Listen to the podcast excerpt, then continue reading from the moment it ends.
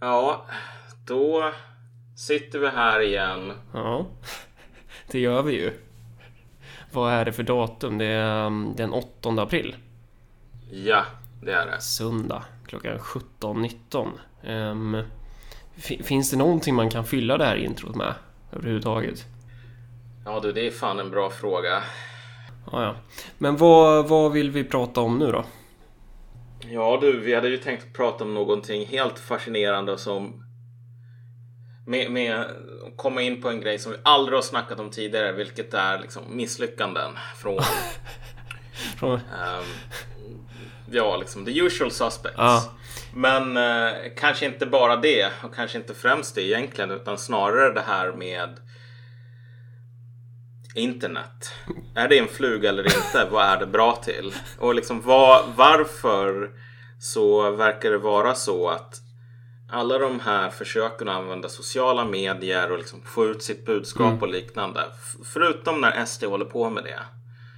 Så går det bara eh, åt skogen.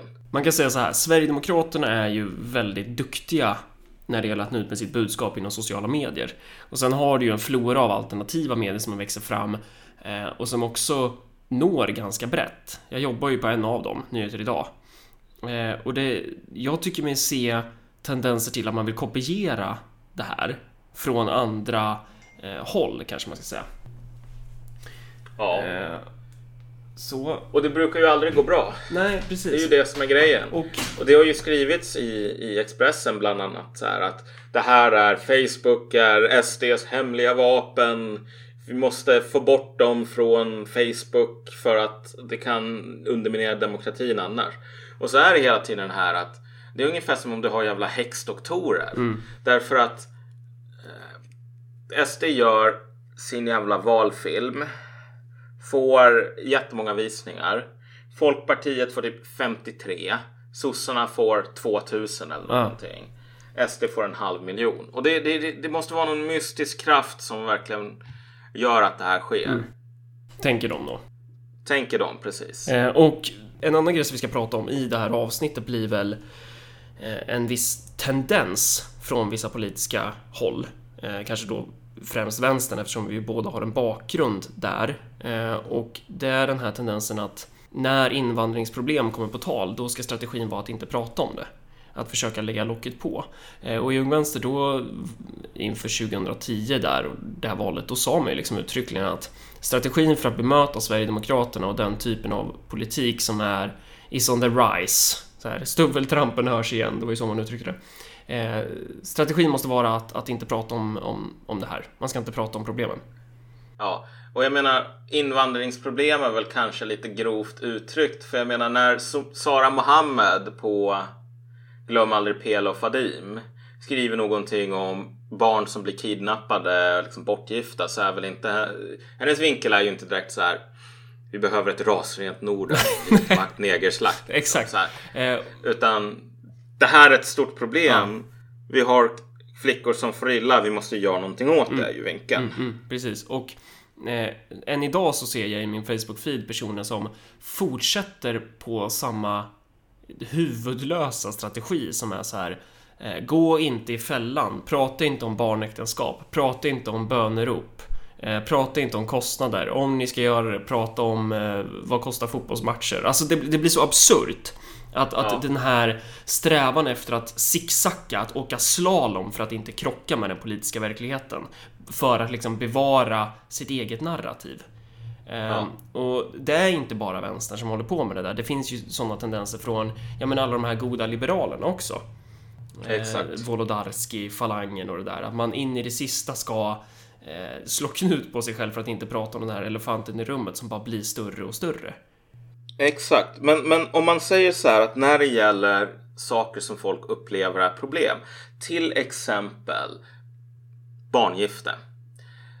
Där finns det ändå någon sorts medvetenhet om att man går stora cirklar. Men det som jag tycker är slående med det här med att SD till exempel lyckas använda sociala medier medan eh, alternativen misslyckas kapitalt. Där finns det inte ens en medveten förträngning utan där upplever jag att folk är totalt Alltså, de har ingen aning. Mm. Hur kan det här hända? Det här måste vara ryssen eller Trump eller någonting i vattnet. För det kan inte vara någonting annat än de här, den här sortens nästan övernaturliga förklaringar. En syftet med det här avsnittet är ju inte då att på något sätt hjälpa vänstern. Vi, vi vill ju inte hjälpa vänstern. Vi vill ju att vänstern ska gå under i den formen den är idag. För att den är ju i vägen. Syftet är ju snarare att visa på den här tendensen som finns. Mm. Eh, och diskutera tendensen i sig. Alltså samtidigt, samtidigt så kan vi, kommer vi här och försöka ge ett, ett, ett annat paradigm eller en annan doktrin. Ja. Någonting vi kommer att komma in på lite snart. Men och om man anammade den så skulle det ju gå bra. Samtidigt så går det ju inte att anamma, anamma den utan att liksom sluta vara det man är. Exakt. Eh, och det är ju lite det som är problemet för de här mm. människorna. Eh, Linda Snäcker är ju en annan intressant exempel när hon står och säger att eh, vad fan var de snackade om då? Var det gruppvåldtäkter eller? Ja men exakt, gruppvåldtäkter efter Expressen och Vi kan säga det också, att vem är Linda Snäcker? Hon är riksdagsledamot för Vänsterpartiet. Det var ju hon som Deras blev...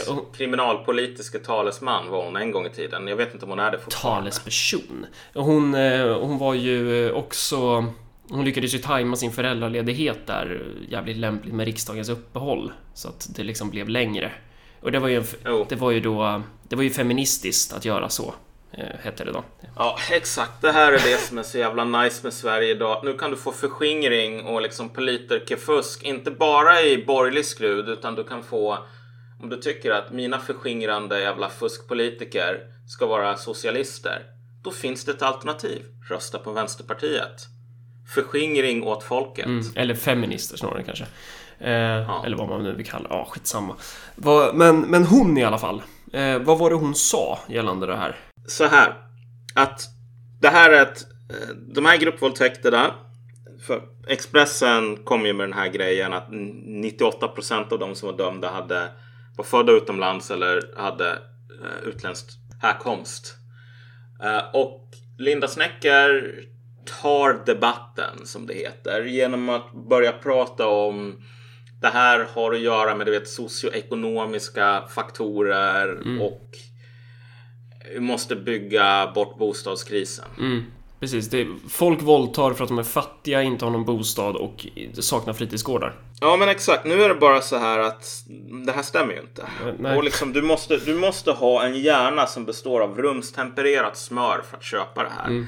Alltså till och med de personerna som jag känner som fortfarande liksom är en del av vänstern undercover eller no på något vis bara stönar mm. när man hör Linda Snäcke. För det här, alla fattar ju att det här saboterar. Det är bättre att hålla käften än att börja snacka om bygg bort, bygg bort gruppvåldtäkterna. Exakt, och det är ju det som då man kanske ska förstå vissa som säger så här, prata inte om de här frågorna. De kanske helt enkelt är rädda för att ni kommer bara göra bort er. Ni kommer bara hamna ja. i en så här relativisering av typ barnäktenskap som är Men vad då i Spanien så har man ju den här lagen. För att liksom slippa att prata om att vad det faktiskt handlar om. Men, ja, precis. Det är ju ungefär där som man alltid hamnar. Ja. hamnar så här. Man visar sig att man har hoppat i sängen med så här, en jävla moské från Saudiarabien. Mm. Så här, att vi måste tillåta Saudiarabien bönutrop i Växjö. Så, så, kommer någon in där och gör någon jävla undercover-reportage och så är det här Moss Eisley Spaceport, liksom den här moskén som man har varit solidarisk med. Och så ser man ut som en jävla idiot. Och det upprepas gång på gång på gång. Men man kan inte liksom sluta. Nej. Så, så det är därför som det är ju det som den här, de här publika varningarna. Prata inte om det här för annars är du inte en i gänget. Det är ju dels därför i alla fall. Mm. Eh, men ska vi prata då om lite doktriner? Ge exempel på vad är en doktrin? Ja, men precis. Och först måste man kanske förklara så här att man måste tänka att anledningen till att det går bra för SD mm. och anledningen till att ingen kan ha klurat ut varför man själv inte kan reproducera den här framgången. Trots att man ofta försöker kopiera de här formerna. Mm. Det bygger på ett grundläggande feltänk. Alltså en, en, ett antagande om hur verkligheten funkar. Mm. Som inte överensstämmer med verkligheten. Och eh, om det finns liksom en militärhistorisk eller militärteknisk term här som jag tycker är ganska användbar och det är just doktrin. Därför att inom militären så talar man alltså om fyra nivåer på liksom, militärt tänkande mer eller mindre. Det finns doktrin, det finns strategi, det finns operationell verksamhet och så finns det taktik. Och de flesta människor känner bara till um, um, taktik och strategi. Och sen finns det några som känner till liksom vad, vad operationell verksamhet är. De känner till ordet logistik. Men doktrin är väldigt okänt. Men det är någonting väldigt viktigt och väldigt grundläggande. Och det är någonting som också finns utanför militären. Det är en killgissning. Ja, det är väl det absolut mest grundläggande. Det är ju uppfattningen om hur världen fungerar i princip. Exakt. Och man kan tänka sig, men liksom, vad fan håller ni på att snacka om? Det här låter skitabstrakt. Mm. Vad, vad, har det här med någonting och någonting att göra? Mm. Och då kan jag informera er om att ni lyssnar på Marcus och Malcolm och så är det. Så är det, precis. Det Uh, men, men för att bara visa hur de så här liksom, allt det här snacket, doktrin, liksom killgissningar, antaganden om verkligheten faktiskt har radikala världsförändrande konsekvenser ute i, i, i verkliga livet. Ta flygplan. Mm. Och då kan man tänka sig att flygplan i början på 1900-talet kom ju där. Hade en väldigt begränsad användningsområde under eh, första världskriget. Det var verkligen en ny teknologi då. Mm. Man höll på att experimentera lite grann. Um, och sen under mellankrigstiden, alltså 20-30-talet, så kom ju alla de här nya modernare teknikerna för att bygga flygplan. Så du fick de här första riktigt moderna flygplanen som inte var gjorda av trä. Um, och ingen hade använt dem i krig. För det hade inte varit något krig på 15 år. Eh, så folk satt runt och tänkte, vad fan ska de här flygplanen vara användbara till? För vi vet att de kommer att vara användbara. Vi vet bara inte liksom vad de kommer att vara bäst på. Och om du och jag hade suttit där i något café i Wien 1922 och var så här nördar som var intresserade av det här. Mm. Då skulle vi ju kunna tänka att båda sidorna, eller för det fanns liksom framförallt två sidor här. Mm. Båda hade riktigt bra argument. Det fanns dels den här sidan som var mer populär i bland annat Tyskland, vilket var att flygplan är skitbra. Därför att de är rörliga och de kan angripa saker från luften. Vilket betyder att de kan skjuta från en vinkel som armén inte kan skjuta. Så armén rycker fram och så når den fram till eh, någon sån här befäst position som är försvarad från marken. Men så kommer flygplanen och liksom spränger det här. Eller det kommer massor med pansarvagnar. kommer flygplan in och spränger dem så att resten av armén kan röra sig vidare och slåss bättre. Så det är det här uh, close air support mer eller mindre. Mm. Sen så hade du den andra skolan som tyckte att flygplan är bra därför att de ändrar på krigets liksom, grundläggande eh, alltså vad krig ens är mer eller mindre. Mm. Och att flygplan, de här nya moderna bombplanen kan göra att du kan utkämpa kriget enbart liksom strategiskt mer eller mindre. Att du kan vinna ett krig utan att vinna ett enda slag. Därför att du skickar bara dina bombplan som kommer att spränga sönder alla fabriker och all liksom förmåga att föra ett krig. Och då kommer folk att ge sig, för människor är rationella varelser och de inser att alltså, vi har inga fabriker längre. Vi har ingen industrial capacity som det heter i Hearts of Iron. Mm. Så uh, vi kan inte vinna så vi ger oss. Mm. Och saken är bara den. Sen så kommer kriget och så testas de här doktrinerna. Och så visar det sig att den här The Bomber will always get through. Det är bara ett totalt jävla eh, verklighetsfrämmande. Det här är en killgissning som inte överensstämmer. För att bomberna som man släpper, de är liksom en hundradels träffsäkra som de skulle behöva vara. Så det krävs hundra bomber istället för en. Mm. Uh, och sen så visar det sig att de här bombplanen, de är, de är mycket enklare att skjuta ner än vad man trodde att de skulle vara. Och så, så visar det sig också att människor, bara rent psykologiskt, de lägger sig inte ner. De säger inte, ja men nu har jag ingen industrial capacity längre så jag ger upp. Utan när du håller på och bombar britterna under blitzen, mm. då blir de bara ännu mer Förbannade. säkra på att ja, mm. kriget måste fortsätta. Samma sak med tyskarna. Så att mitt under kriget så behöver alltså inse britterna att vi har eh, lagt ner mycket av våran industriella liksom, tillverkningskapacitet på att bygga saker som inte funkar. Så måste de liksom ställa om den här produktionen till grejer som faktiskt kan vinna krig. Mm. Alltså de skulle ju kunna fortsätta med den doktrinen för doktrinens skull. Ja, exakt. Men och, och det är bra att du tar upp det här för det visar också på saken, alltså doktriner behövs. Ja. Därför att det är, de, det är ungefär som det här skelett. Liksom. Det är någonting som du fäster muskler på. Eh, det är, utan att ha någon sån här idé om hur världen funkar. Då vet du inte liksom vad för sorts taktik och strategi och så vidare som du behöver. Mm. Men problemet är att din killgissning, du vet inte om det här stämmer. Det är ett antagande och du måste hela tiden testa den mot verkligheten. Och uh, tyskarna kunde ju göra det till viss del på grund av att de deltog i spanska inbördeskriget. Så de hade ju en sorts fördel. Mm, I krig är det ganska svårt att hålla fast vid en doktrin som inte funkar. För då dör man. Men, ja men precis. Därför att det är så jävla, det är high stakes. Mm. Liksom. Till och med i Sovjetunionen så bjöd man in de här människorna man hade skickat till Gulag för att alltså, okej. Okay.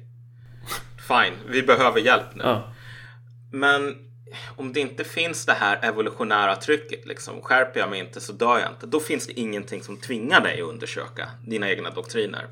Och det är där som man har hamnat idag. Och där, ett annat exempel på det är väl internet i just Sovjetunionen också. Att när internet ja. började komma då tänkte, tänkte man i Sovjet att oh, men fan vad nice, det här kommer underlätta centralplaneringen av ekonomin eh, något enormt. Att, att ja, man utgår ju från sin grundsyn, det som liksom genomsyrar synen på världen, ens doktrin. Ja. Och då är det ju så man kommer se på internet eller på flygplan eller, vad, eller på alternativmedia för den delen. Ja, precis. Det där är någonting som det fanns ju någon liknande protokoll i Sverige som finns i bankomater nu. Mm. För där hade man, man tänkte på samma sätt att alltså det internet som vi har idag det är alltså frikopplade noder som kommunicerar med varandra. Och summan av de här individuella noderna, det är internet. Mm. Medan den modellen som man funderade på som man ville ha, inklusive i Sverige, det var någonting mycket mer centralstyrt. Mm. Det är som text-tv ungefär. Mm. Någonting i den stilen. Uh, ett bättre sätt att föra ut information från centralort. Därför att det är mycket enklare att kontrollera och det är också så här att om du är någon sån här jävla, om du är marinerad i ideologin som finns i öst. Mm. Alltså det är väldigt svårt att ens föreställa sig um, liksom det internet som vi fick. Mm. Det är faktiskt jättesvårt. Och det är också så att bara ta någonting som ligger närmare till hands. Om du tänker dig, du och jag har varit med sedan internet var bara en ny grej. Mm. Du vet, genom Netscape, Alta Vista, eh, Helgon.nu, eh, alla de där ja. grejerna. Om du gick tillbaks 15 år. Mm. Det är alltså 2003. Eller ännu längre, till 99. Mm. Och bara förklara för mig hur internet kommer att se ut. 2018. Nästan ingen skulle kunna göra det. Därför att sådana här grejer, det är jävligt svårt. Det är jävligt svårt och liksom, det, det är jätteenkelt att tänka sig, jo men självklart skulle Facebook och alla de här komma. För att liksom, it all makes sense. Och i backspegeln så ser de här sakerna logiska ut. Men när du inte har en backspegel så man vet inte. Man måste testa olika saker. Och det påverkas ju beroende av hur bra din doktrin är eller hur bra din doktrin är ja. anpassad efter det här då. Eh, Exakt. Så att, men om vi då ska övergå från flygplan och internet till att prata om eh, alternativ media och förståelsen för populismen också. Ja. Eh, där kan man ju se någon slags trend, tycker jag, ana från vissa personer inom olika vänsterorganisationer. Att det finns en vilja att starta alternativ media. Men då tänker man så här att ja, men vi ska göra ett avpixlat fast för vänstern. Eller typ, ja, Samnytt heter det ju nu. Men att, att man ska liksom... Eh, man, ska, man ska kopiera de här metoderna. Ja. Man tittar på metoderna och så tycker man bara copy-paste. Eh, och sen så ja. ska man starta en egen sajt. Men då ska man undvika att prata om problemen. För det är ju det som ligger i doktrinen att eh, migrationsproblem ska man ju inte beröra. Så man ska ha en alternativ media som, eh, som utför det här slalomjobbet som Linda Snäcke gör i debatten. Det ska man göra i mycket ja. högre skala. Och så blir man förvånad när det inte funkar. Ja, men exakt. Och saken är ju den att man måste förstå varför så försöker man hela tiden kopiera så här. Ja, men vi behöver en egen alternativ nyhetssida. Vi behöver aktuellt fokus. Mm. Eller vi behöver vår egen populism. Vi behöver en vänsterpopulism. Kopiera de här formerna. Eh, liksom den här tonen. Mm. Och så pratar vi om någonting helt annat det som vi vill prata om. Och här är ju den här är ju lite grann problemet. Jag kommer ihåg en av de första texterna som jag skrev på min blogg som jag idag eh, liksom tycker är till 80% fel. Mm. Den var ju så här att ja, men internet är bara en jävla fluga. Håll inte på att fokusera på det. Um, och jag fattade ju inte vad poängen var. Men, men det som jag försökte slå emot med det inlägget. Det var ju mer eller mindre den här doktrinen som fanns och som fort, fanns då och som fortfarande finns. För man ska försöka skala ner det här. Liksom, hur ser man på hur alternativa media, SDs valfilmer, allting det. Liksom, hur funkar det? Det är Gosplan. Det är den centrala noden. Mm. Man tänker att det, alltså, att det handlar om envägskommunikation. Ja. En gång i tiden då höll vänstern på att sälja proletären. Utanför Systembolaget. Ja, och proletären det är, det är envägskommunikation precis som du säger. Mm. Det är ett redaktionellt råd som består av en politisk förtrupp som sitter och slår sina kloka huvuden ihop och tänker det här borde folk tycka, det här borde folk tycka, det här borde folk reagera på. För att det här är gångbart för kampen. Och sen så sammanställer man det i någon sorts liksom, informationspaket och så skickar man ut det till folk, mottagare. Som har ytterst begränsade möjligheter och liksom, de kan skriva ett brev till redaktionen ungefär, men that's it. Interaktionen är ju noll. Ja, och sen så tänker man att fy fan, det är ruggigt, det är kallt, det är blåsigt utanför systemet och de flesta köper inte den här jävla tidningen. Nej. Och internet, gud vad underbart det är. Därför att då kan man sälja proletären eller liksom göra ungefär en ekvivalent sak. Mm. Tusen gånger billigare och nu till tusen gånger fler. Och jag menar visst, alltså det här var ju ett antagande som om vi, om vi var 1985. Mm. Och bara tänkte så här, ja men vad kommer internet användas till? Det kommer att användas till liksom, eh, framgångsrik envägskommunikation av vänstern. Uh, fine, det finns argument för det. Ungefär som att säga att bombplan kommer att vinna allt. Men nu är det 2018 och det här har ju inte funkat alls. Eh, grejen är ju den att slalomdoktrinen misslyckas ju i det här, inte bara för att man åker slalom utan också för att man tänker att det rör sig om en envägskommunikation. Det handlar ja. ju inte bara om en envägskommunikation utan det handlar om en interaktion. Alltså, Exakt. Facebook är ju, eh, eller internet överlag, alla de här stora rummen, det är ju stora fikarum. Ja. Det är där man sitter och kräker ur sig vad man tänker. Ja. Eh, och på Instagram, där visar man vad man har ätit eller hur, hur bra liv man har eller någonting sånt. Ja. Så att det... Eh, på något sätt så är det... En gång för länge sedan innan jag söp bort min balans så höll jag på med karate och då var jag instruktör i det. Eh, och det som var intressant med många barn framförallt var att de kunde ha skitbra teknik på sina slag och sparkar och allt vad man gjorde. Men de fattade inte att det var slag och sparkar de gjorde. De kunde göra rörelser, de hade lärt sig kopiera av, av andra, nästan i detalj. Men de, de förstod inte att ja, men nu slår jag en osynlig motståndare i magen eller ja. nu bryter jag av armen på någon eller något sånt där. Vänstern är väldigt liknande och det är inte bara vänstern. Vissa politiska aktörer är väldigt liknande i sitt angreppssätt. Att de tittar på ett parti eller en aktör och så tänker man nu ska jag imitera rörelserna. Jag ska imitera mönstret. Men man fattar inte vad man gör för man har en annan doktrin. Exakt. För att saken är ju den att um, vad, vad som gör att det går bra för SD och det går bra för folk allmänt på sociala medier och liknande. Det är inte att man får betalt av ryssen eller att ryssen liksom har någon sån här orbital mind control laser från någon science fiction berättelse. Uh, utan det är ju för att det här är människor som det är inte så att de är bäst på att sitta i redaktionen på Proletären. Att de gör det som man gör på proletären fast tusen gånger bättre. Och så ska man bara rycka upp sig och så ska man göra som proletären fast lite mer. Utan det här är folk som är bra på att identifiera sättet att använda faktumet att det som Facebook gör nu när de flesta som postar om, om, om sina jävla middagar har dragit till Instagram.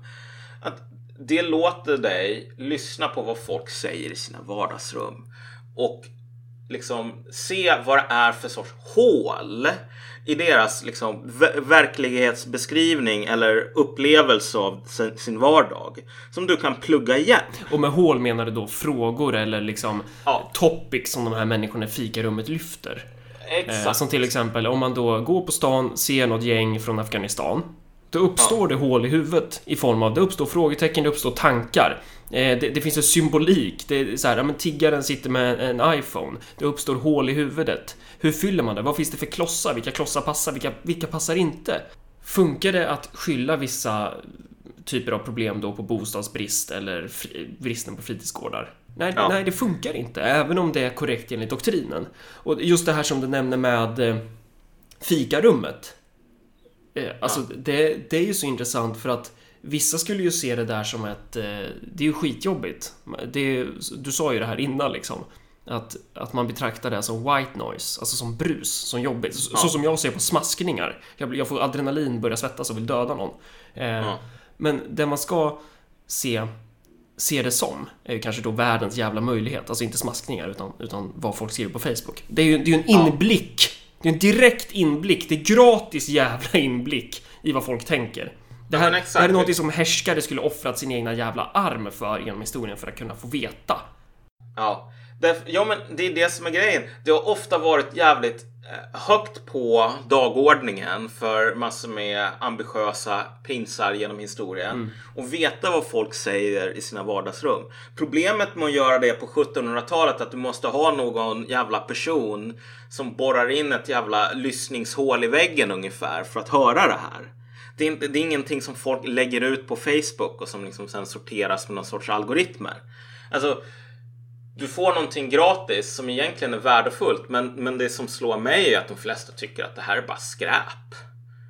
Det här är någonting, det här är, ja, men, det är ogräs i rabatten ja, innan mitt narrativ har satt sig. Exakt, och de är ju i vägen för envägskommunikationen. De, ja, de fattar exakt. ju inte att, att din envägskommunikation är ju den enda rätta.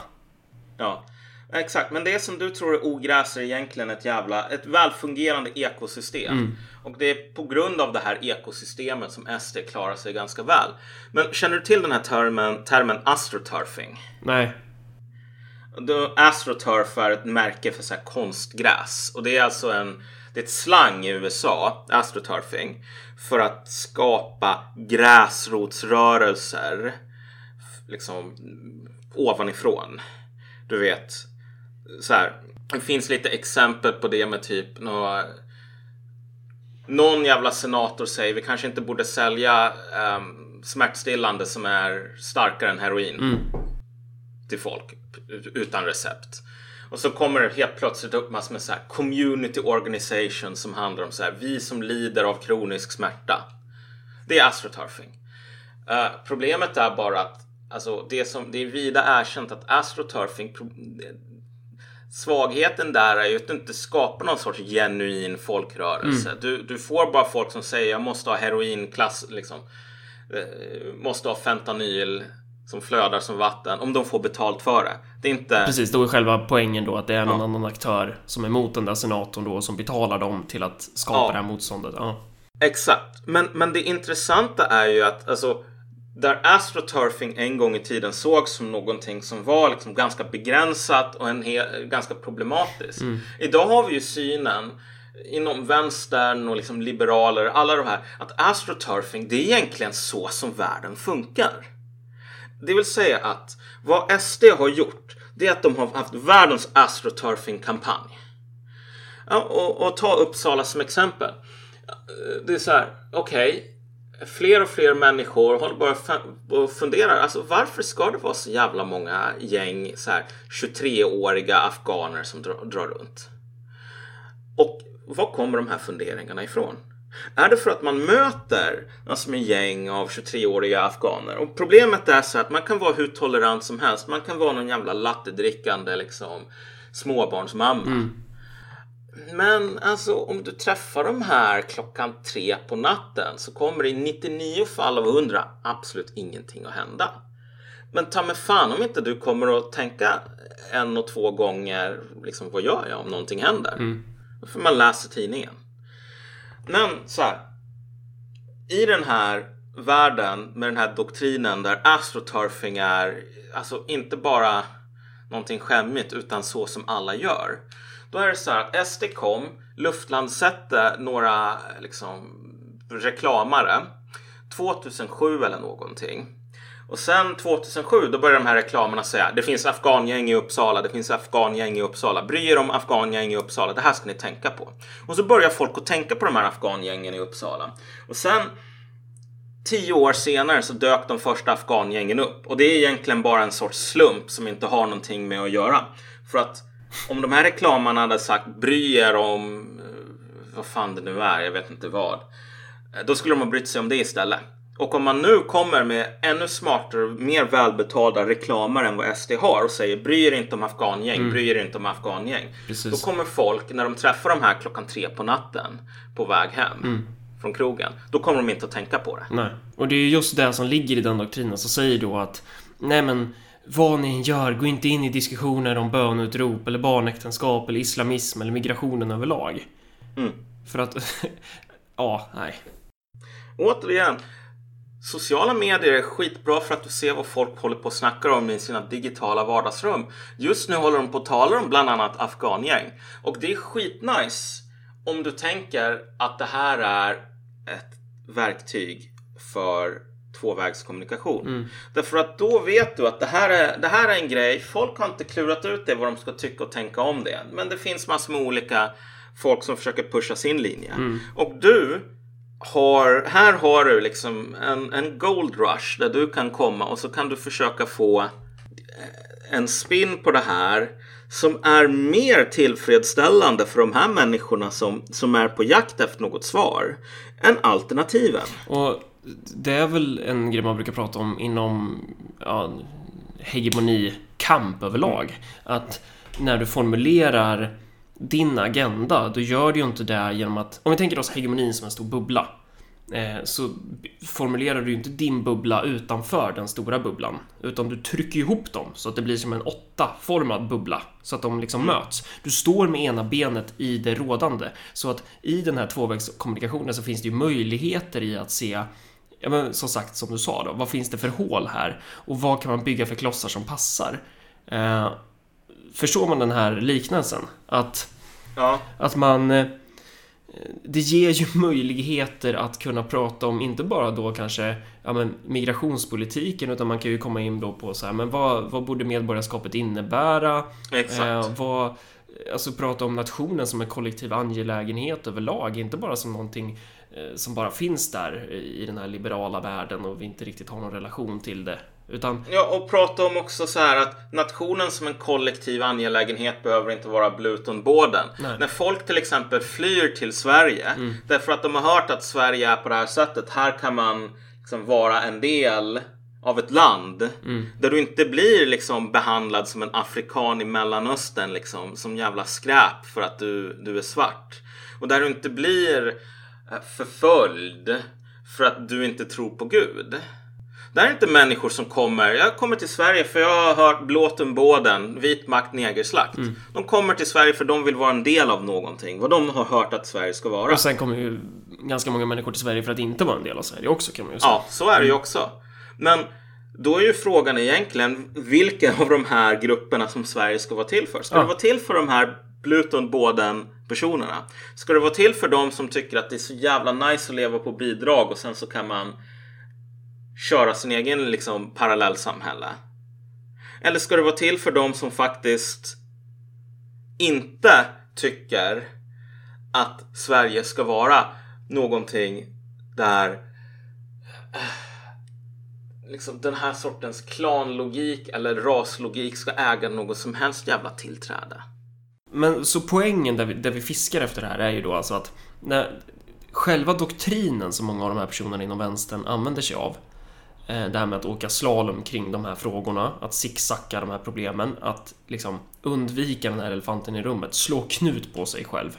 Ja. Den doktrinen, alltså när du avviker från den doktrinen och börjar svara på tvåvägskommunikationen, du interagerar i det här. Ja. Eh, Du försöker få fram den här klossen och svara på det här. Vad händer då? Jo, du slutar ju vara vänster. Exakt. Det är ju det som är, jag tror att du nämnde det i det här förberedande snacket Mm. innan. Att alltså, sättet som man formulerar sig på var så himla talande. Det går inte att ta i de här frågorna som vänster. Alltså inte så här, man får inte liksom, jag kommer att skjuta dig om du gör det, utan det går inte. Alltså, den ontologiska statusen som vänster är avhängig på att du behåller din renhet och din isolering ifrån den här sortens frågor.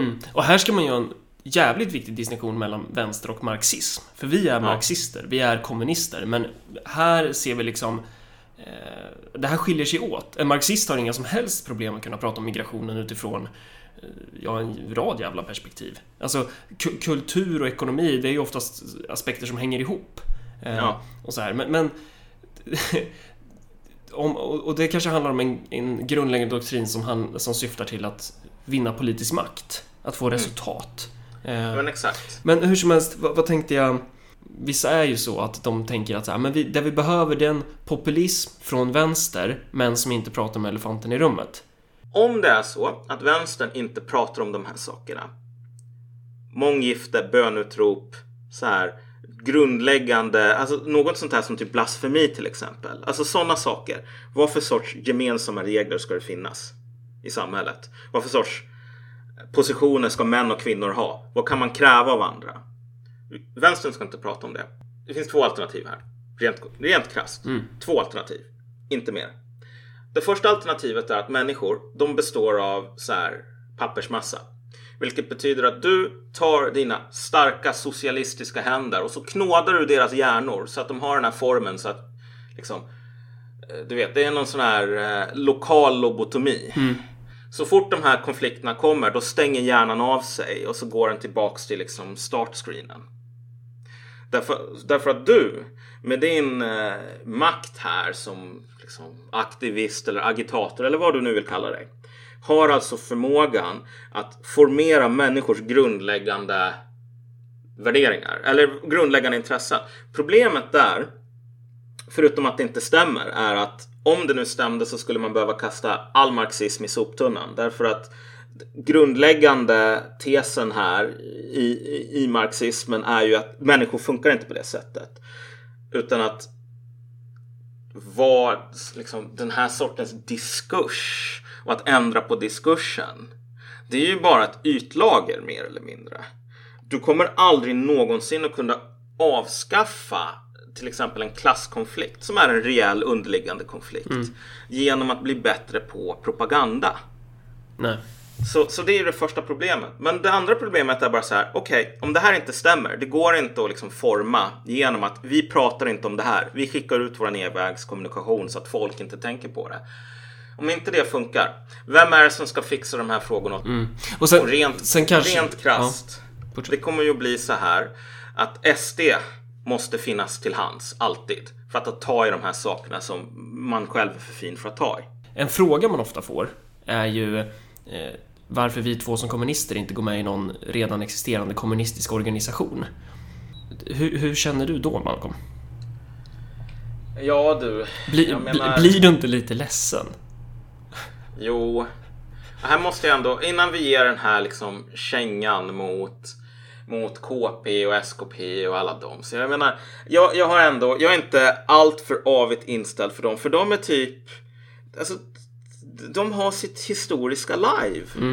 Men That's it. du sa ju någon gång att som svar på frågan brukar du säga av samma anledning som jag inte tar på mig clownskor. Ja, ja men precis. Och den där har jag var- snott och brukar svara själv. Så. Ja. ja, ja, men visst. Och Och det finns väl, ja, nej men fortsätt. Ja, och, och för i det här så jag tycker mig se liksom tendenser från till exempel eh, personer inom kommunistiska partiet att man börjar eh, försöka anamma vissa populistiska drag. Eh, Ja. Men utan att bli populist. Alltså det, det, går ju att vara en kommunist inom vänstern. Med betoning på ja. inom vänstern. Det går att vara en populist inom vänstern. Och, och det går definitivt att vara en hegemon inom vänstern. Man kan definitivt ändra hegemonin inom vänstern. Man kan ändra liksom från, vad ska man ta som exempel, att, att man pratar om, ja men modet typ. Eh, mm. Men så länge man har med det där inom vänstern så har man en jävla kedja vid sin fot som är kopplad till ett ankare som du inte kan rubba. Du, ja, du sitter fast där.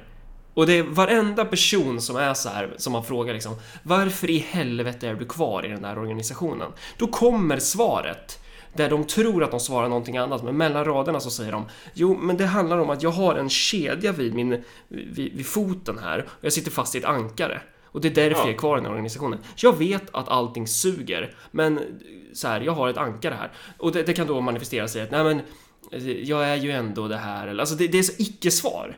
Och ja, dit jag vill komma är så här att du kan, du kan vara hegemon inom vänster. Du kan, du kan liksom genom att försöka appropriera vissa av de här delarna som man tänker då att det, det är SD bra på. Så kan man absolut bli den nya härskaren inom vänstern. Men du kommer aldrig bli hegemon inom populismen eller hegemon i samhället. Du kommer aldrig ja. bli det för du sitter fast. Men exakt, och, men vi kan ta ett bra exempel på det i den här jag kommer inte ihåg vad deras tagline är, men Aktuellt Fokus mm. som är något så här oberoende media för vanligt folk eller något sånt. Tanken med Aktuellt Fokus var ju att det här skulle vara nyheter idag, fast vänsterifrån. Det vet inte jag. Jag tror inte det är tanken. Jag, jag snackade ju med Kim om det och jag frågade så här, okay. varför vänder du dig inte till en bredare publik? Och han sa ju uttryckligen, nej men jag vill vända mig enbart till vänstern. Jag, jag fattar inte varför han har ett incitament att göra så. Okej. Okay. Alltså, ja men det, det var så alltså. Ja. Ja, men, men okej, okay, men det visar ju ännu mer på liksom vad problemet här är. Ja. Och jag menar jämför, jämför typ ledarsidorna.se som ändå är någon sån här relativt marginell blogg med typ krö, alltså ledarkrönikor. Och en del så här nyhetsartiklar för typ på senare tid så har ju ledarsidor och nyhetsbehandling liksom smält ihop ganska mycket.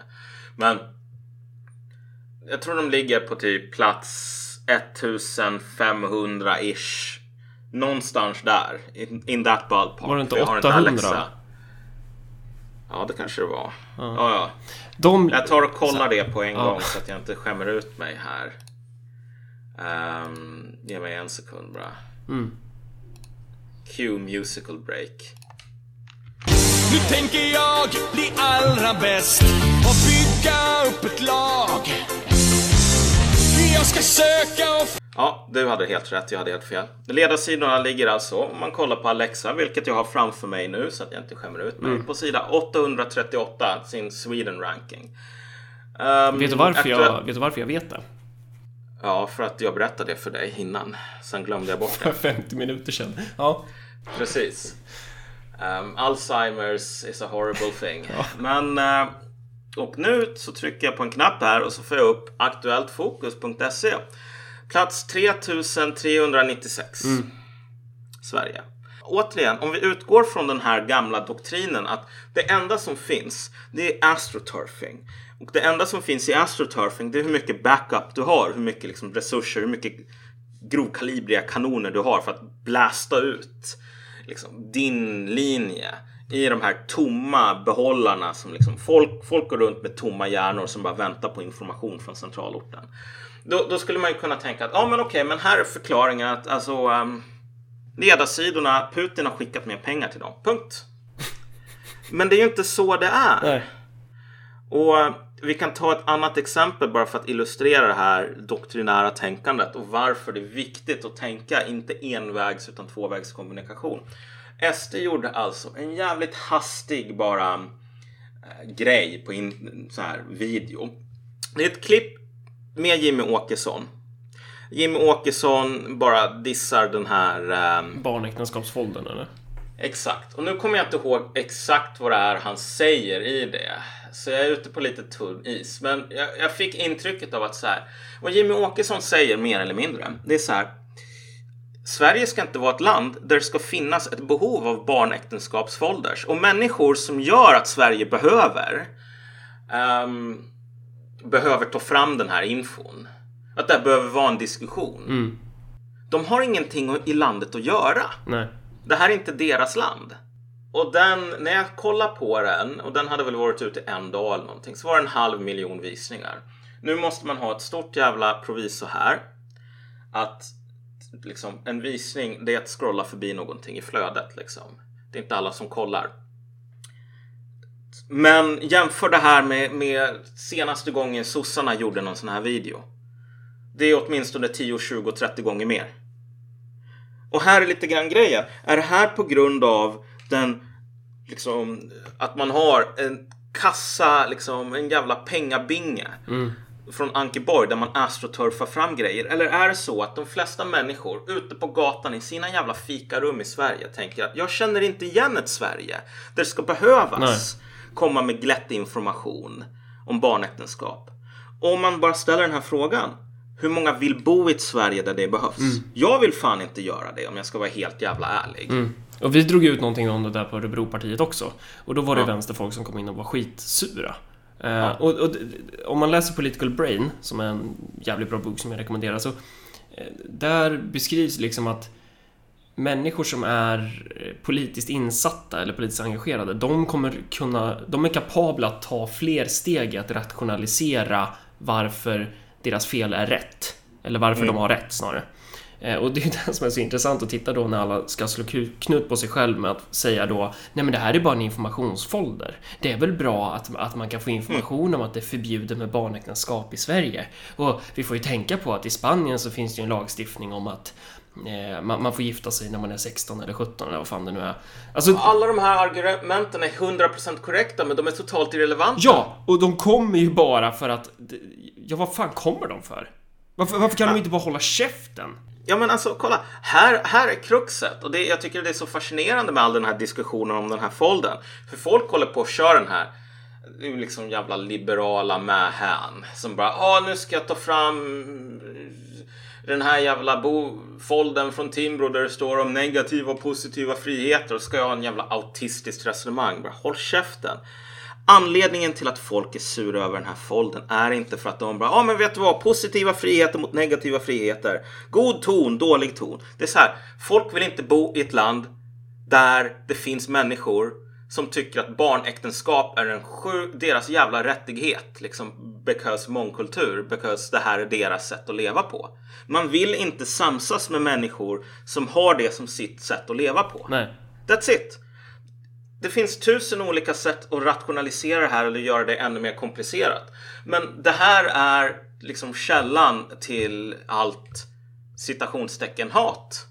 Det är att folk inte tycker om det här och de vill inte leva sida vid sida vid det. Sverige för 50 år sedan var ett land där det inte var, fanns något behov av att trycka upp sådana här foldrar. Och här, får här man skulle en sån här idiot nu direkt komma in att jo, det fanns visst eh, pedofiler. Så. Och- Alltså och vet så- du vad? Nej, det fanns, det fanns faktiskt kristna jävla sekter som höll på. Och då sa man bara Du är en jävla fitta som hör hemma i ett fängelse. Åk in. Men det går ju inte, liksom så som det här har ändrats. Så är det inte, man kan inte behandla folk som säger jag är gift med ett barn som du är psyksjuk. Därför att det är okänsligt. Och människor som är gifta med barn kräver de kräver att inte bli behandlade som psyksjuka. That's the thing, det är det som har ändrats. Så nej, man tryckte inte upp eh, liksom broschyrer för 50 år sedan för man sa bara men du kan vi sätta i fängelse. Och det är 100% korrekt att liksom givet det här Sveriges ändrade demografi, givet bla bla bla ditten och datten, eh, tidigare, in, eh, tidigare eh, invandringspolitik så liksom man måste ju göra någonting, man måste informera, man kan inte bara lämna det här. Ja men fine, jag menar det stämmer ju så här, givet det, det hålet som man har satt sig i. Så liksom det här vi är, att vi gör sådana broschyrer. Men det är det problemet är att folk vill inte vara i hålet. Och de vill absolut inte att det ska bli djupare. Men allt det som vi har sagt kan vara fel. Det kan bara vara så att den här aversionen som jag bara liksom håller på och rantar om bara är köpt. Den kostar 500 000 dollar på den öppna marknaden. Bara kolla gå in på rysktrollfabrik.se och säga, liksom, Köpa. se Ja. vad beställningspriset är Ja. för att folk ska tycka så här. Och sen så kan du skramla ihop en miljon kronor och så kommer du att få så här. Alla vill ha veganism i skolmaten. Så här. För att astroturfing är the only game in town. Det är den doktrinen som man kan köra på om man vill. Men återigen, jag tror inte SD skulle ha lyckats så jävla bra om de körde samma video med samma liksom budget. Vad den nu låg på, 100 kronor. Och bara sagt att det är totalt motsatta. Gått totalt emot vad folk tyckte och höll på att snacka om på sina jävla elektroniska fikabord. Men, eh, jag, jag skulle vilja säga några saker också. Eh, Ja. Som jag kom på. Eh, att, eh, jag sa ju förut att så här, det går ju inte att liksom bli hegemon inom populismen om man är vänster. Och det kanske är bra att förtydliga det, för vissa tänker ju att du och jag är vänster. Och med vänster menar jag då just det som vi har gått igenom innan, att den här doktrinen om att man inte ska prata om eh, migration eller integrationsproblem. Det är ju det här som är vänstern idag. Eh, och så länge du är så, då kommer du aldrig bli hegemon inom varken populism eller i samhället i stort. Så vill man nå politiska resultat, då måste man sluta åka slalom eh, för att inte krocka med den politiska verkligheten. Ja. Det funkar inte. Och, det är det som är, det är det som blir resultatet och har blivit resultatet av den här doktrinen. Alltså att doktrinen av att inte nudda golv. Doktrinen Mm. om att, alltså vänstern blir allt mer antipolitisk, apolitisk. Den blir Jo, det- antimarxistisk. För att man måste hela tiden slå knut på sig själv för att bevara identiteten. Där har vi identitetspolitiken också. Det är ju en del i den här utvecklingen. Fast jag, jag skulle nog inte kalla det en doktrin. Jag, jag, jag förstår din poäng här. Men, men det är ungefär om du tänker dig i Star Trek där man har ett sånt här prime directive. Du vet, man ska inte hålla på och mucka med eh, raser som inte har nått spaceflight. Liksom. Och det, det här är grundregeln som alla i federationen måste följa. Sen så får man hålla på. Sen finns det massor med andra mål som man har. Men när det krockar med the prime directive. Då tar det över, eller ska göra det. Gör inte alltid det. Alltså Prime Directive för någon idag inom vänstern det är att fortsätta vara vänster. That's it. Ja. That's the Prime Directive. Och det är inte en doktrin utan Ah, det okej, är bara en snarare... doktrinen blir följden på The Prime Directive då? Exakt. För liksom, vad finns doktrinen till för om vi tänker så här? Är den till för att vinna val? Är den till för att bygga organisationer? Eh, man kan ställa samma fråga om liksom, Åsa Linderborg och Göran Greiders bok. Alla de här grejerna som man lämnar, ut, liksom, lämnar utanför boken. Lämnar man dem utanför boken därför att om man skulle inkludera dem och en diskussion om de här sakerna så skulle man objektivt sett försämra sina möjligheter och övertyga typ en rörmokare om att gå med i liksom den vänsterpopulistiska tåget. Rörmokare? Svaret, ja, men svaret är ju självklart nej. Alltså, Sen, sen har vi ju inte läst boken. nej, okej, men du. Jag, jag kan säga så här. Jag, jag har haft. Jag kan säga, jag, jag känner min, min, min farbror som jobbar på Nintendo har läst äh, den här boken om vänsterpopulism. Så jag har legit sources. Ja, men vad bra. Men, men, men, men, men tänk dig så här. Poängen är. Man utlämnar saker. Mm. Eller, och, och vad är anledningen? Är det för att om jag säger jag kommer att ge dig en lösning på den här liksom, även kulturella konflikter som är bättre än SDs. Om jag säger det, kommer jag att ha en objektivt sämre läge hos knegare än om jag säger jag tänker inte prata om det här. Det får du reda på någon gång eller du är en rasist för att du tar upp det. Liksom. Vi pratar om någonting annat. Svaret är självklart nej. Men om jag säger liksom, låt oss diskutera hur vi tar hand om de här frågorna. Då kommer jag att bli utesluten ur vänstern. Och jag säger, jag använder jag-formen här för det var ju precis det som hände mig. Början på 2017 var det väl. Alltså, Jaha, du menar, roliga- ja, du menar då en slags informell uteslutning ur precis. gemenskapen? Mm. Ja, verkligen. Alltså det var ju då som jag hamnade i det här, okej, du vet, stöddig person, dryg, till att bli den här om du känner, eller om du har sagt någonting positivt om Malcolm Schune så måste du be om ursäkt nu. Eller så kommer du också råka ut för samma grej. liksom, rasist, nazist. Liksom. Ja, och det där sker ju fortfarande att, att vi får ju flera gånger om Alltså meddelanden från folk som lyssnar på våran podcast i hemlighet. För att Ja, vänstern är exakt. så jävla sektig. Så att det är... Det, det, är det, är det är ju ett brott mot, inte bara doktrinen då, utan det, vad var det du sa? Prime Dir- Directive. Directive. Ja, exakt. The Eh. prime directive, det är self-preservation. Man måste fortsätta vara vänster. Ja, och Och då kan man inte prata om de här Och det är också av den anledningen som jag tror att eh, organisationer som KP och SKP och alla vad, vad det nu är liksom de kommer, migrationsfrågorna kommer bräcka de här organisationerna. Ja. Då, det, det, alltså det, det finns personer som är vettiga. Det finns personer som är så här, ja men vänta, marxism, man kan väl hålla eh, två bollar i huvudet samtidigt, eller? Och sen finns det personer som säger nej. Och de där går inte att förena. Det kommer inte Nej, gå såvida man inte håller sig på en nivå av att bara bedriva subkulturell aktivitet. Men så fort du ska försöka bedriva politik, då kommer, du, då kommer det gå sönder. Det kommer vara som att försöka svänga Titanic åt två håll samtidigt. Ja, och saken är väl den att det här är ju... Jag ska inte uppehålla oss för det för mycket, men alltså med SKP och KP, det, det, det är ju en vänster som är lite avskild från den andra vänstern. Det är liksom Ja, bara en annan version på det här. De har, sin, de har sina egna regler och sitt eget liksom subkultur som inte alls är 100% överlappande. Kanske bara en 50% överlappande med så här campusvänster, vänsterpartister liksom så.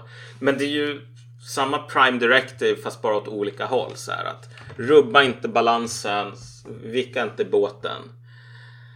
Ehm, och gör du och- det så gör det inom ramen. Så här, absolut, Ja. var populist, men tänk på det här och här då. Tänk på de problematiska delarna. Nationalism, jättebra, men man kanske inte behöver eh, du vet, prata om exkludering och inkludering. Tänk på att det är kapitalisterna. Det är de som är bovarna. Ju- alltså, när du får välja mellan det här, vara politiskt relevant eller utsättas för den här sortens, för jag menar,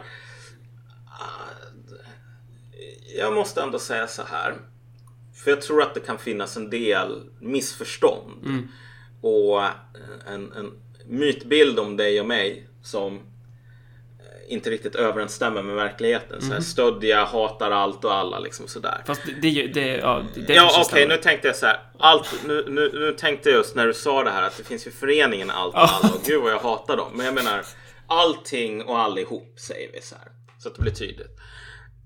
Både för dig och mig så har det ju hänt, mm, genomgått det bara att det skedde tidigare för dig och senare för mig. Liksom den här övergången från naiv, liksom, man tror verkligen på det här. Till att man blir mer eller mindre utmobbad för att man bryter mot en regel som man inte ens visste fanns där. Man var inte smart nog att följa the prime directive. Ehm, och jag kan ju säga så här att det är inte så jävla kul att hamna i den där mobbningskarusellen. Alltså det, det, det känns inte så jävla roligt att bli huggen i ryggen på det där sättet. Så jag förstår folk som håller på och fegar. Men problemet är bara att om du väljer mellan politisk relevans och eh, att undvika problem i ditt personliga liv. Jag menar, då får du stå ditt kast. Du har fått det här valet. Du kan, du, om du väljer politisk relevans, jag menar då väljer du politisk relevans. Det går inte att hymla om det. Vilket är det stora problemet med alla de här. Eh, Greider och Lindeborg var inte de första som kom med den här fina idén om att jo men vänstern kan också göra populism. Men så fort det finns the prime directive med. Eh, då går man på grund. Och eh, jag vet inte om du känner till den här nättidskriften Jacobin Jo. Det skrevs någon eh, artikel alltså om på den tiden när AFS var citationstecken små på typ 4 och inte liksom 14 till 18 eller vad det ligger på AFS. nu. AFD menar jag. Ja. Alternativ för Deutschland. Ja. Bara att okej, det- det här var liksom 2016 eller 2017, tidigt 2017. Då var det alltså så här att det var någon kille från vänstern i Tyskland som skrev att hållningen som man har angående migration och alltså, allt det här med bidrag och liknande. Den här funkar inte och framförallt i Östtyskland när folk är fattiga och ser att det sker massor med nedskärningar på deras levnadsstandard för man har inte råd där liksom skälet. Alltså du kan inte hålla på och liksom från Berlin bara säga Eh, håll käften jävla bondlurk liksom. Nu ska vi ta, ta emot två miljoner människor på grund av humanism. Och om inte du är humanistisk, då är du en jävla gris. Alltså, folk köper inte det här. Och sen finns det ett djupare problem också, vilket är att det finns också konflikter som inte har med just pengar att göra. Finns det här liksom, mönstren av liksom, etniskt våld, sexuella trakasserier och så vidare. Som liksom, det är inte normalt. Det är inte normalt med liksom, fem ungdomar som överfaller en tjej i centrala Lund. Alltså, du, du kan inte bara skippa alla de grejerna. Och det som hände då var att den här artikeln togs bort från Jacobin. Och alla bara sa det här är hemskt, vilken galen nazist. Mm. Liksom du vet, jag spyr, jag får panikångest, jag blir triggad. Det blev liksom hela, du vet hur det där revet går. Och sen, ble, sen så liksom fick vi en ny frid till slut där man pratar inte om de här grejerna. Mm. Men problemen fortsätter? Ja, ja. Jacobin läs, läses ju inte av, av liksom, tyskar. Nej. Vilket också är grejen. Det är inte fan så här massor med tyska metallarbetare från renområdet som bara säger det här är inte acceptabelt. Mm. Vi kan inte ha såna här artiklar. Liksom, tar ni inte bort det här då kommer vi aldrig rösta på vänstern igen det spelar ingen roll vad de här jävla metallarbetarna tycker. Därför att de som är slavar under the prime directive, det är i slutändan bara deras bara deras imperativ, bara deras preferenser, mm. bara deras sociala koder som spelar någon roll. Och här återvänder vi till det totalt oreparerbara hålet mm. i vänsterpopulism som begrepp. Populism, för att kunna hålla på med det så måste du vara populär. Du måste se till folkflertalets intressen. Om du sätter den lilla, lilla liksom, den, den halva procenten eller tredjedels procenten av befolkningen som liksom är i den här aktivistsfären. Vad de tycker och vad de är allergiska mot och vad de blir triggade av. Om du sätter det högre mm. än vad någon jävla Ronny eller Conny eller Sonny som typ länkar Samnytt-nyheter gör då och då liksom för att han är sur på någonting. Jag menar, då kommer du, alltså du är inte en populist. Rent, rent eh, konkret de facto. Mm. Äh, du, men, men du kanske kan tycka att du är det inom vänsterns ramar. Men du är det ju inte ja. utanför vänstern. Du har, Nej, du har fortfarande ankaret vid foten. Och just när det gäller svensk kontext blir det ännu mer relevant att prata om migration och integration för att vi har tagit emot fler människor än vad något annat land i västvärlden har gjort sett procentuellt. Alltså det här är, det här är så stort så att när, när andra länder kommer titta på huruvida man ska föra en vettig eller en korkad invandringspolitik oavsett om det gäller integration eller vilken aspekt det än är, då kommer man titta på Sverige. Vi, vi är verkstaden just nu. Vi är experimentet. Mm. Alltså, och det är ju det som... Vi, det här är en förändring i basen, de facto. Vi har fått en enorm befolkningsökning. Mm. Eh, och vi har inte ännu sett de fulla effekterna i överbyggnaden. Nej, nej men precis. Men, men det är just det alltså att... Det, det, det som måste till egentligen det som måste till för att vara politiskt relevant är att du måste ändra på ditt prime directive så att det som du får ut från de här efter någon sorts jävla sållning självklart. För som Rorsmannen sa, en ledare ska simma med folket men den ska inte drunkna med. Mm. Jag måste få in något sånt här. Ja. Eh, något jävla löjligt, onödigt citat liksom, ja. från ordförande Mao. Annars är det inte en Marcus mm. och Malcolm podcast. Nej. Hur som helst. Men, men om du inte ser det som ditt prime directive av att liksom sniffa runt här och vad är det som jag får i min, min enormt användbara. Uh, alltså Machiavelli skulle ha mördat sin jävla mamma mm. för att liksom kunna ha det här som en politiker. Den här inblicken i folks vardagsrum.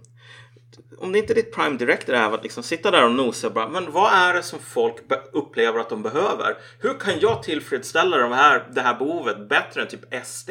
Bättre än Moderaterna, bättre än högern, bättre än allt högern? Hur kan jag slå, ah, liksom, vara den kungliga hovleverantören av politiska lösningar på faktiska problem.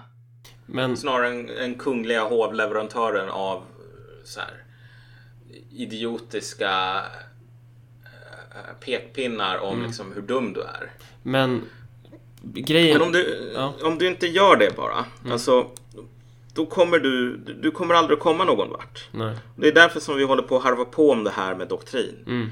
Liksom, glöm det här astroturfing-tänket. Mm. Om du ska ha någon som helst jävla framtid. Glöm det! Det är totalt värdelöst. Det är ett ankare. Ja. Och för att förtydliga, för att ibland när vi har gjort sådana här avsnitt så får man ändå höra Marcus och Malcolm säger att vänstern borde göra så här. Och bara, nej, nej! Alltså, själva poängen är ju att deras prime directive är ju i vägen så då kan ni inte göra så här. Det här är ju en läxa för andra att ta till. Exakt. Eller det är en läxa för folk som är beredda att ta det steget och sluta vara vänster. Alltså rent konkret, sluta vara vänster. Det var precis det som hände oss. Till stor del ganska ofrivilligt i början, men det var en jävla skänk från ovan att det blev så.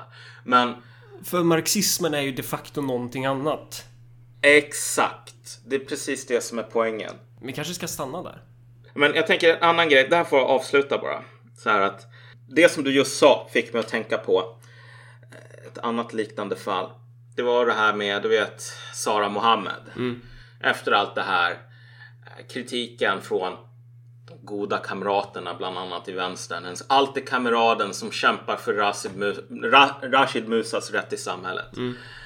Ehm, att liksom, du är rasist, du är främlingsfientlig, eh, du är rasist, du är rasist. Liksom prata om det här. Hur, hur ställer du dig till att du är rasist? Och Sara Mohammed sa väl bara, ja men vet du vad, om man är en rasist för att man bryr sig om de här frågorna, ja då är jag väl en rasist och fine, whatever, punkt. Orkar inte, orkar inte hålla på med den där jävla skiten liksom. Och det är precis det. Om du gör det som krävs för att vara relevant politiskt, då kommer du höra du är inte vänster och du kommer inte bara höra det utan hela det här maskineriet med liksom social uteslutning och allting sånt, det kommer rulla, rulla igång. Säg som Sara Mohammed, ja men okej, jag är väl en jävla Nils Flyg då, whatever.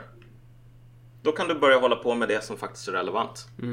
Och där avslutar vi avsnittet och då tänkte jag också tipsa om någonting som, som ju är otroligt relevant för alla människor, nämligen Örebropartiet. Eller vad säger du Malcolm? Ja, exakt. Eh, Vi håller på att bedriva en insamlingskampanj för att vi ska kunna harva på eh, med eh, lite, lite populism från dess... Alltså ska det vara populism, då ska det ju vara från Närke alltså. Precis. Fan- Nersia populismen. Precis.